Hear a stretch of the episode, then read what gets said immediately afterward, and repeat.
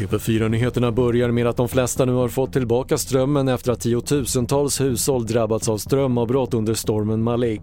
Elbolagen E.ON, Ellevio och Vattenfall uppgav under morgonen att man hade runt 3200 strömlösa kunder, merparten i regionerna Jönköping, Östergötland, Kalmar och Skåne.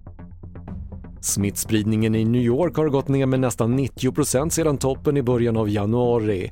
Antalet nya fall är nu 5 000 per dygn mot för över 43 000 registrerade fall per dygn under årets första dagar. 75% av New Yorks invånare är fullvaccinerade vilket är den högsta siffran i USA.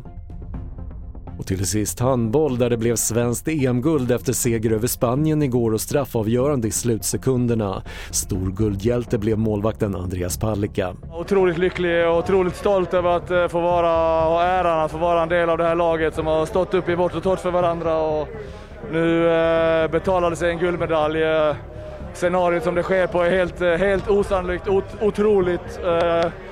Och jag är så sjukt lycklig alltså, så sjukt lycklig eh, att vi har tagit en guldmedalj. Fler nyheter hittar du på TV4.se. Jag heter Patrik Lindström.